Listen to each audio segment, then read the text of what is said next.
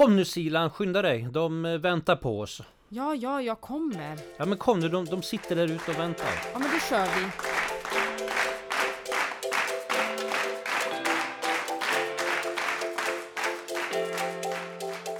Välkommen till ett nytt avsnitt av podden Ledarens perspektiv. Jag heter Silan Lauan och jag har med mig Mikael Mattsson. I dagens podd möter vi en man med lång facklig ledarkarriär. Innan den fackliga karriären satte fart var han bland annat sjöofficer och arbetade inom finans och försäkringsbranschen. Idag är han ordförande för SACO, Sveriges akademiker. Välkommen hit Göran Arrius. Hej, tack så mycket. Idag är du ordförande för SACO och har varit det sedan 2011. Det stämmer bra det. Berätta lite om vad du har för dig idag. Eh, just idag så är det ju sommar ute när det här spelas in. Eh, men det som vi håller på med just nu och som är mest aktuellt för oss inom SACO det är väl egentligen två väldigt viktiga frågor som är externa. Den ena handlar om lagen om anställningsskydd och omställning som ni säkert har hört talas om.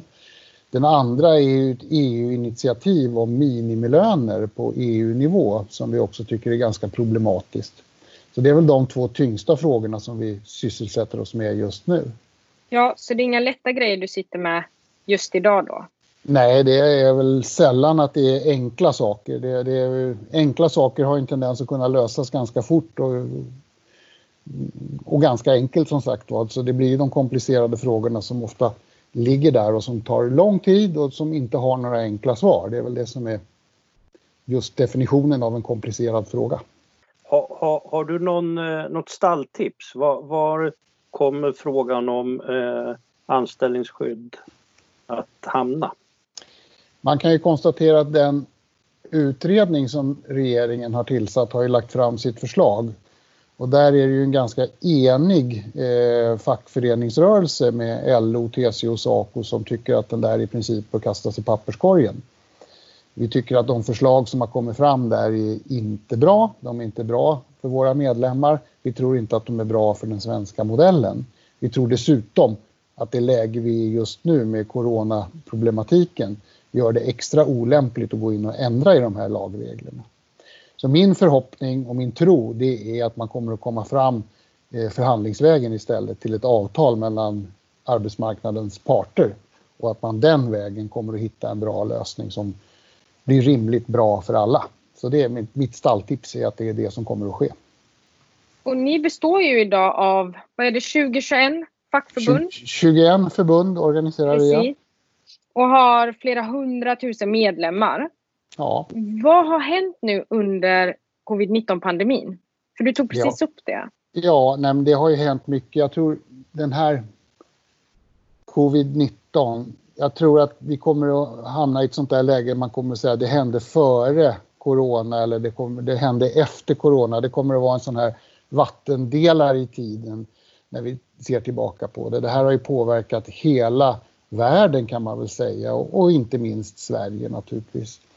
Och när jag tittar på förbunden i Saco så kan vi till att börja med konstatera att det har gjort att väldigt många har insett att det nog är rätt så bra att vara med i ett av våra förbund när det börjar blåsa lite snålt. Det andra är att olika yrkesgrupper har ju påverkats väldigt olika. Vi kan konstatera att eh, många av våra förbund arbetar ju inom vårdsektorn eh, och där har ju arbetstidsuttaget blivit extremt stort. Så där har man ett problem med att folk arbetar så mycket och så hårt så att man håller på att gå på knäna utav det skälet. Inom andra delar där man har många konsulter, mycket inom tillverkningsindustri och servicenäring, så är det väldigt många som nu är permitterade eller varslade eller till och med uppsagda. Så i vår federation som ju spänner över hela svenska arbetsmarknaden ser vi väldigt olika typer av förändringar inom arbetslivet, men som påverkar medlemmarna väldigt mycket. Och vilka dialoger sitter ni med idag främst?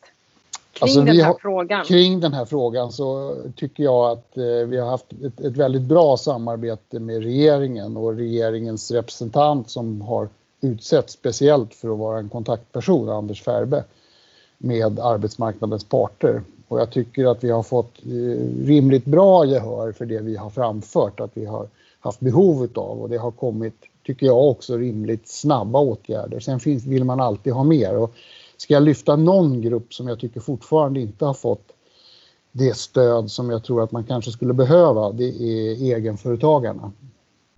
Eh, de ligger liksom lite mitt emellan. Är du anställd och blir av med jobbet så har vi fått höjda tak i a-kassan.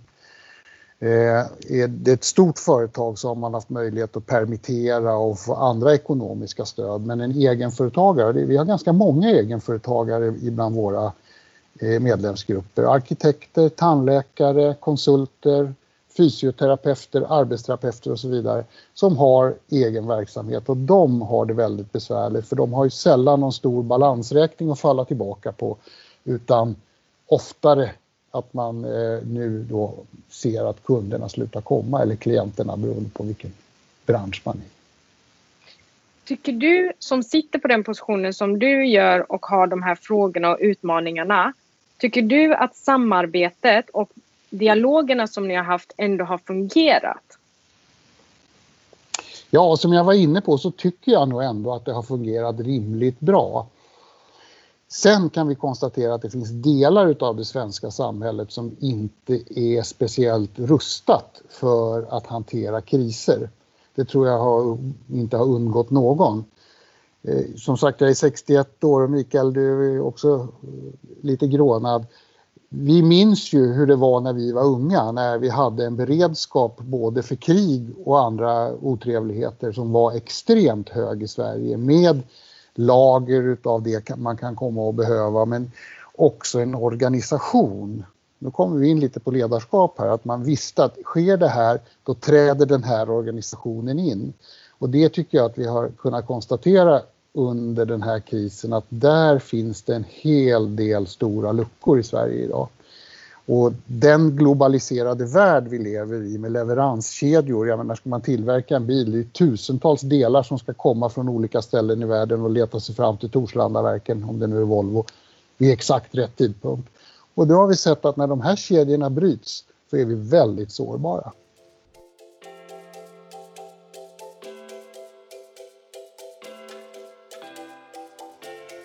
Och Göran, vi pratade lite innan inspelningen om att du har haft tre olika jobb.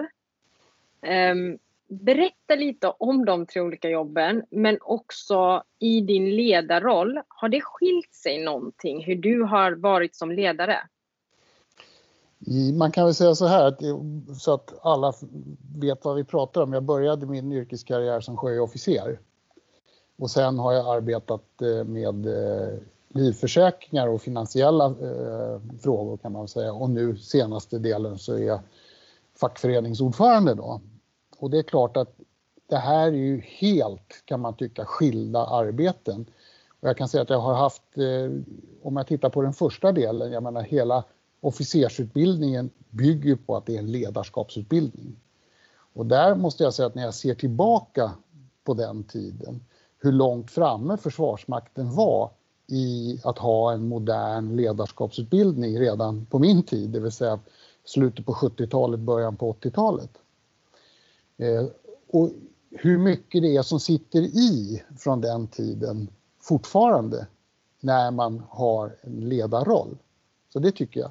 Sen är det klart att omständigheterna runt omkring är ju alldeles olika och så vidare. Men det finns ju någon slags röd tråd tycker jag i ledarskapet som oaktat var man verkar så finns det liknande utmaningar skulle jag vilja säga. Så att ja, jag tycker att det, eh, det har varit för det första har det varit väldigt stimulerande att kunna byta karriär på det viset men samtidigt har man hela tiden också ur ett ledarskapsperspektiv tycker jag mognat i de här olika dimensionerna som ett ledarskap ändå innebär. Kan du ge något exempel på den här röda tråden som du har sett? Ja, det finns ju det blir ju stort och smått förstås och det är alltid svårt att dra liksom väldigt stora växlar men jag har några idéer om som jag tycker är viktiga. Ja, uppstår det problem? Och när det är problem som vi pratar om här nu, då talar jag om problem inom en personalgrupp som man leder. Så i min bild är att ju fortare man tar tag i dem, desto mindre hinner de bli. Försöker man sopa problemen under mattan så har de en tendens att växa och växa och växa. Och det är inte säkert att de bryter ut, men de finns där och man märker störningarna. Så att, att liksom, känner man det här obehaget i magen, att ska jag ta tag i det här eller ska jag vänta ett litet tag, så har jag lärt mig ta det på en gång, ta det rätt upp och ner för då kanske det aldrig hinner bli så stort. För det där har också en tendens att sprida sig bland olika människor som ingår i en arbetsgrupp. Så det är väl liksom en sån sak. Sen tycker jag att man som ledare så måste man inse att det förväntas av en att man fattar beslut. Det förväntas att det är du som stiger fram. Det förväntas att du tar ansvaret för den här verksamheten och det spelar ingen roll vem man leder tycker jag. Ibland kan man ju tro att om man leder väldigt kvalificerade organisationer att de skulle sköta sig mer själva och sådär. Och min erfarenhet är att nej, alla förväntar sig att den som är chef stiger fram, tar ansvar, fattar beslut. Och många gånger blir man ju faktiskt tvungen att fatta beslut på ganska otillräcklig grund. För har man hela bilden helt klart för sig då är det ganska enkelt. Det har man ju nästan aldrig förrän efteråt och då är det ju enkelt att komma och säga hur man borde ha gjort. Men att på bristfälliga grunder ändå var tvungen att fatta ett beslut. Och det måste man faktiskt ha mod nog att göra. Och då brukar man säga, blev, blev det rätt eller blev det fel? Och där har jag också lärt mig någonting. Det är väldigt sällan man liksom gör 100% fel. Och det är ganska sällan man gör 100% rätt. Men om man försöker hålla sig på de här övre 50 procenten när man har fattat beslut så det blir något sånär rätt så är det ofta bättre än att försöka vänta och vänta och vänta till man har ett fullständigt underlag för då är det ofta för sent att göra någonting.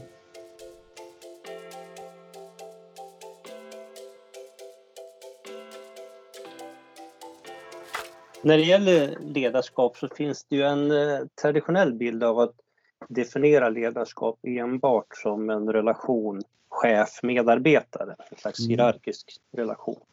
I Gaia talar vi ju ofta om att eh, ledarskap har fler dimensioner. Vi pratar ofta om fem dimensioner där du har ett ansvar oaktat du är formell chef eller inte att leda dig själv.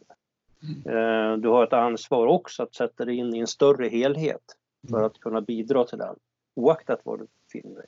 Du har ett ansvar för att leda i relation till en omvärld, att leda till intern, i det interna partnerskapet, backa upp mm. varandra och om du har en organisation och medarbetare att leda andra. Eh, när du tänker ledarskap 2020 med 40 års perspektiv då sen officersutbildningen. Eh, hur, hur, ser du på ledarskap idag? Ja, det är en stor fråga till att börja med Mikael, det kan man väl lugnt säga. Ibland så, jag tycker de här dimensionerna som du tar upp, det, jag tycker det är bra att man liksom försöker se ledarskapet ur olika perspektiv, för så är det definitivt. Är det en jättestor skillnad idag eller 40 år sedan? Ja, det är klart att det är. Man har nya hjälpmedel, man kan kommunicera, man kan nå folk väldigt enkelt och dygnet runt och så vidare. Som är stora fördelar men som också är stora utmaningar skulle jag vilja säga. Men på det stora hela taget så skulle jag nog ändå vilja påstå att ledarskapet har sina utmaningar och ni har delat upp det på ett sätt, andra delar upp det på lite annat sätt. Men jag tror att på det stora hela taget så tycker jag nog ändå att det är ganska sig likt faktiskt. Möjligen skulle jag vilja säga att om man är ledare på en hög nivå idag, och det spelar ingen roll om det är i näringslivet eller om det är i offentlig sektor eller organisationssverige, så skulle jag vilja säga att risken för din person, för din personliga, kanske inte direkt säkerhet, men risken för att hamna illa ute i sociala medier och bli smutskastad och få ditt rykte förstört är ju betydligt större idag än vad det var för 40 år sedan. Och det där har jag funderat på lite grann. Alltså att vill man ta den risken? Vill man bli politiker som kanske är de som är allra mest utsatta? Vill man ta rollen som LOs ordförande eller vad det nu är? Vill man ta rollen som VD för ett stort företag med alla de intressanta fördelar som finns med att ha ett sådant arbete. Men det finns också idag en väldigt stor baksida och den tycker jag är otäck om jag ska vara ärlig. För den går rätt in i ditt privatliv och det kan vara väldigt obehagligt. Så det, det där, är en stor skillnad. Ja, och det där är intressant. Men, ni har ju nästan 150 000 chefer som är medlemmar mm. i Saco. Mm. Och, och, och vad jag förstår ni har etablerat ett chefsråd specifikt för att sätta de här frågorna på agendan. När, när ni för samtalen i Saco i, i ert chefsråd, vilka strategiska ledarutmaningar ser ni då? Utöver den fråga som du nyss nämnde. Mm. Jag kan säga att för närvarande så är det här chefsrådet faktiskt pausat lite grann, det ska jag säga så att inte vi far med osanning här. Eh, men jag menar den strategiska delen i ledarskapet är, jag tror att man måste, som du var inne på Mikael, välja någon form av modell för att driva sitt ledarskap. Jag menar, ibland tror man att en ledare det är någon som är född till ledare och, och hon eller han säger gå åt det hållet eller gör si så följer alla med och är jätteglada och nöjda. Och visst finns det personer som har väldigt goda ledaregenskaper av någon anledning. Det är orättvist här i världen, men det är en del som har. Men jag tror också att man behöver liksom hitta ledstänger i sitt ledarskap. Alltså det finns metoder att göra det här med. Hur, hur, ofta ska man ha ett utvecklingssamtal och hur bedömer man sina medarbetare och hur bedömer man sin egen roll i förhållande till sidoordnade organisationer, till överordnade chefer och så vidare. Att man liksom försöker göra någon form, att man har en verktygslåda tror jag är väldigt viktigt ur ett strategiskt perspektiv. För då tror jag att om man vill vara ledare, det tror jag är det första, man måste vilja vara ledare. Annars ska man inte bli det. Men vill man vara ledare så finns det goda sätt att bli en bra ledare. Och det tror jag är kanske den största strategiska utmaningen, att liksom hitta ett sätt som funkar för mig och som jag känner att jag är bekväm i. Men att jag ändå har ett liksom kanske inte, det, det är liksom inte en checklista, men att jag hittar så här gör jag när jag vill leda och att jag känner att jag är mig själv. För det tror jag är kanske väldigt, när man är ung och ny som ledare så tror man att man ska liksom ikläda sig en roll. Och där tror jag man måste känna att visst har man en roll som ledare men den måste synka hyggligt bra med hur du själv är. För annars så blir det för jobbigt för dig. Och det blir inte äkta heller om, om, med dina 150 000 då chefsmedlemmar, eh, vad, vad, definierar de eh, som sina behov? På vilket sätt är Saco en resurs och på vilket sätt är andra aktörer en resurs för dem? Mm. Vi försöker ju att vara det. Det är givetvis ett samspel mellan våra förbund som ju har det huvudsakliga ansvaret för medlemskontakter men vi försöker ju stödja i, i, i vår roll då det jag uppfattar som att man tycker många gånger är stora problem idag är inte något konstigt utan det är att man uppfattar att man har för lite tid. Man är för mycket på möten, för lite närvarande i den grupp man ska leda. Ofta har man ett större ansvar än vad man har fått befogenheter till. Många gånger har man en för stor grupp av personer som man ska leda och det gäller speciellt offentlig sektor. Att man kan ha uppåt 40-50 direktrapporterande som ledare och det i min värld är det helt omöjligt att hantera ledarskapsmässigt. Jesus hade ju sina lärjungar och det var ändå en som det gick åt fanders för. Jag menar, där kan man ju titta på någon slags storleksordning i hur, hur många man kan vara kanske. Jag tycker det är jätteintressant att du tar upp det här med att eh, man klär på sig en roll som mm. ledare, att unga människor gör det. Jag kan även eh, uppfatta att Vissa gör det ännu längre i livet. Var det någonstans du kände att du kunde klä av dig rollen och bara vara en ledare? Eller har du alltid känt att du naturligt har kunnat vara det utan att ta på dig en roll? Till att börja med så skulle jag vilja säga att man tar på sig en roll. För det är klart att om man pratar om mig nu, Göran som någon form av ledare är en annan Göran än Göran hemma. Jag tror det var Roosevelt som sa det att vara USAs president under krig är en av de svåraste skådespelarakter eh, man kan ta på sig. För det är klart att man måste ibland vara den som står upp när det blåser. För det behöver man vara för att ens medarbetare ska palla. Eh, men den där rollen man tar på sig, den måste ändå synka tillräckligt bra med den person du är i botten. Och jag kan nog inte säga, eh, jag kan bara komma ihåg egentligen när jag kom ut ordentligt som homosexuell på jobbet och var chef då. Och jag tänkte det här kanske blir besvärligt. Men det blev det inte och efter det så blev jag nog en mycket bättre ledare. Därför att då visste alla att det var på det viset och var det någon som hade problem med det så fick de väl ta upp det. Men det har aldrig varit någon som har gjort faktiskt. Så att det skulle jag säga att liksom en ärlighet och öppenhet i ditt ledarskap, det tror jag är väldigt viktigt. Att ändå kunna vara autentisk i den rollen som sig själv. Ja, precis. Det tror jag är jätteviktigt. För annars blir det väldigt jobbigt om du liksom har en roll som ligger väldigt långt ifrån vem du är själv. Då tror jag att du hamnar i ett läge där här, den här spänningen inom dig, den kommer att tära för mycket på dig för att du ska kunna orka med att vara en bra ledare.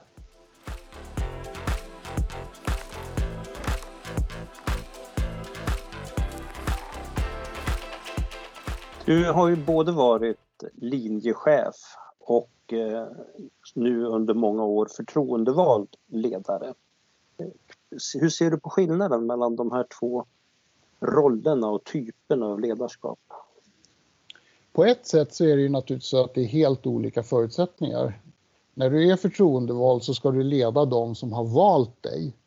Och är det så att de inte är nöjda med det du gör, då kommer du inte att få ett fortsatt förtroende. Det är liksom en helt annan sak än om regeringen utser en generaldirektör eller om en styrelse utser en verkställande direktör. Då har man ju makten så länge de tycker att du gör det du ska.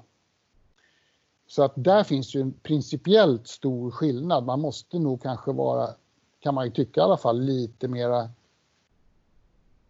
ha lite mera fingertoppskänsla kanske när man leder en styrelse än vad man gör när man kanske är verkställande direktör eller något åt det hållet.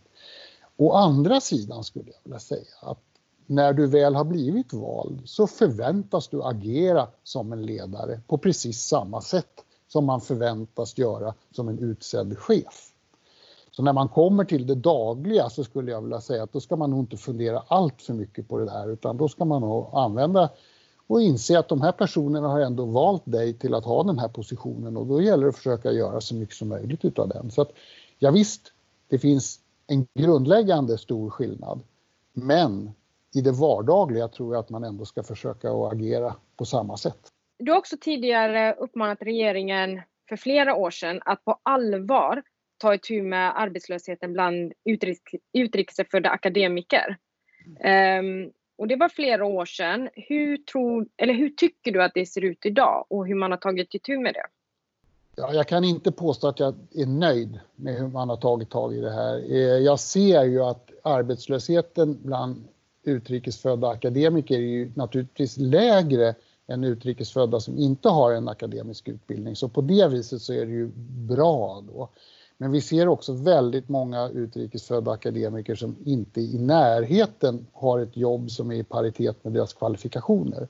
Och det tycker jag ju är oerhört olyckligt i flera perspektiv. För det första så tar man ju upp ett enkelt jobb för, som någon annan som inte har akademisk utbildning skulle kunna ha. För det andra är det ju för den personen naturligtvis olyckligt att man håller på och harvar med någonting som man egentligen skulle kunna göra någonting mycket mer kvalificerat. Men den allra viktigaste frågan i det här tycker jag är egentligen att, att jag hörde en intervju med en kille som det väl hade gått lite snett för och han sa det, min pappa han är läkare men han har en tobaksaffär nu. Och han jobbar och sliter och det är bra. Men för mig har det ju inneburit att jag som är invandrarkille, varför ska jag plugga? Jag kommer ju ändå inte få något bra jobb. Alltså den här hoppet, den här framtidstron kan man ju döda om man visar att invandrade akademiker eller andra yrkeskunniga personer som kommer till Sverige inte får ett jobb som är i, liksom i paritet med den utbildning man har. Så att jag tror att det, det, finns bara förluster i det här egentligen. Det finns ingenting att vinna och där borde man ta tag i det här och ibland tycker jag eh, liksom administrationen kring validering av examina och såna grejer är helt orimligt långdragen. Jag, jag skulle bara vilja ställa ytterligare en fråga och det är egentligen vad gör Göran på fritiden som gör dig en bra ledare på jobbet? Ja, det kan man ju börja med vad jag gör på fritiden då. Nej, men vi lägger ju väldigt mycket tid på vårt ställe här nere i Östergötland och det, min bästa avkoppling kan jag säga, det tror jag är på, särskilt på vintern när man kan ta fram motorsågen och fälla lite trän och grejer. För då har man verkligen fullt upp och koncentrera sig på, så behöver man inte tänka på jobbet. Och jag tror att det är, det har jag märkt mer och mer, och det kanske beror på att man blir äldre, men hur viktigt det är att hitta tillfällen på helger men även dagligen när man får en stund för sig själv. Och jag försöker träna i alla fall en tre, fyra gånger i veckan. Och med mitt jobb så är det ju inte riktigt eh, att man kan säga att jag gör det på tisdagskvällar och torsdagskvällar och sådär. Utan jag försöker hitta, när jag har en håltimme så går jag iväg och kör ett pass. Och om det inte är något väldigt akut som ligger över så försöker jag lämna min telefon på jobbet eller i, i, i skåpet så att jag liksom den timmen kan jag koppla bort. För jag märker att väldigt många problem löser jag inte genom att sitta och grubbla på dem utan kanske snarare genom att faktiskt göra någonting annat och låta det mala ner i den fantastiska maskin som den mänskliga hjärnan faktiskt är. Men då behöver den också ha tid när man inte är fullt aktiv med det som man håller på med. Så att hitta luckor i tillvaron där man får vara i fred lite ibland. Det skulle jag vilja ge som ett råd till alla som har stressiga jobb eller ledarjobb eller vad det nu är. Ett toppenråd.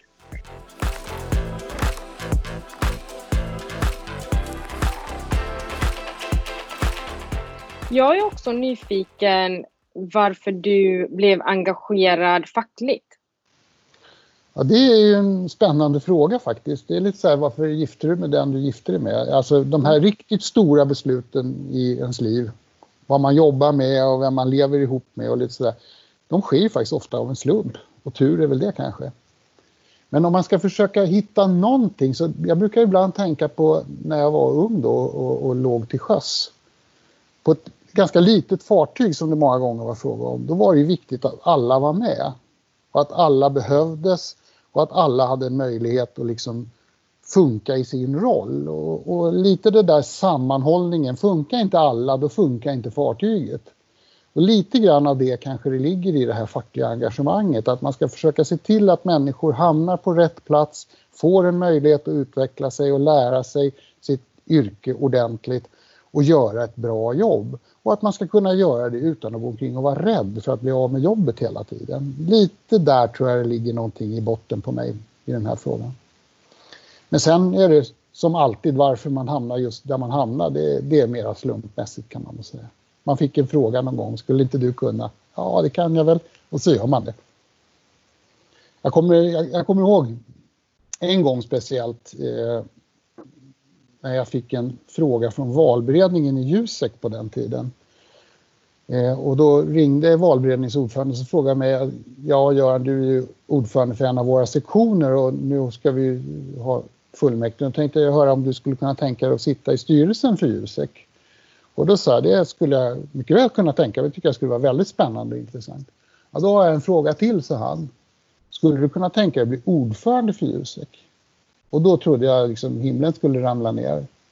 Jag kommer ihåg jag gick på Hamngatan på väg till jobbet. Och så sa jag, jag måste väl få två dagar att tänka, ja det får du förstås. Ja. Men jag visste ju på en gång att jag skulle säga ja.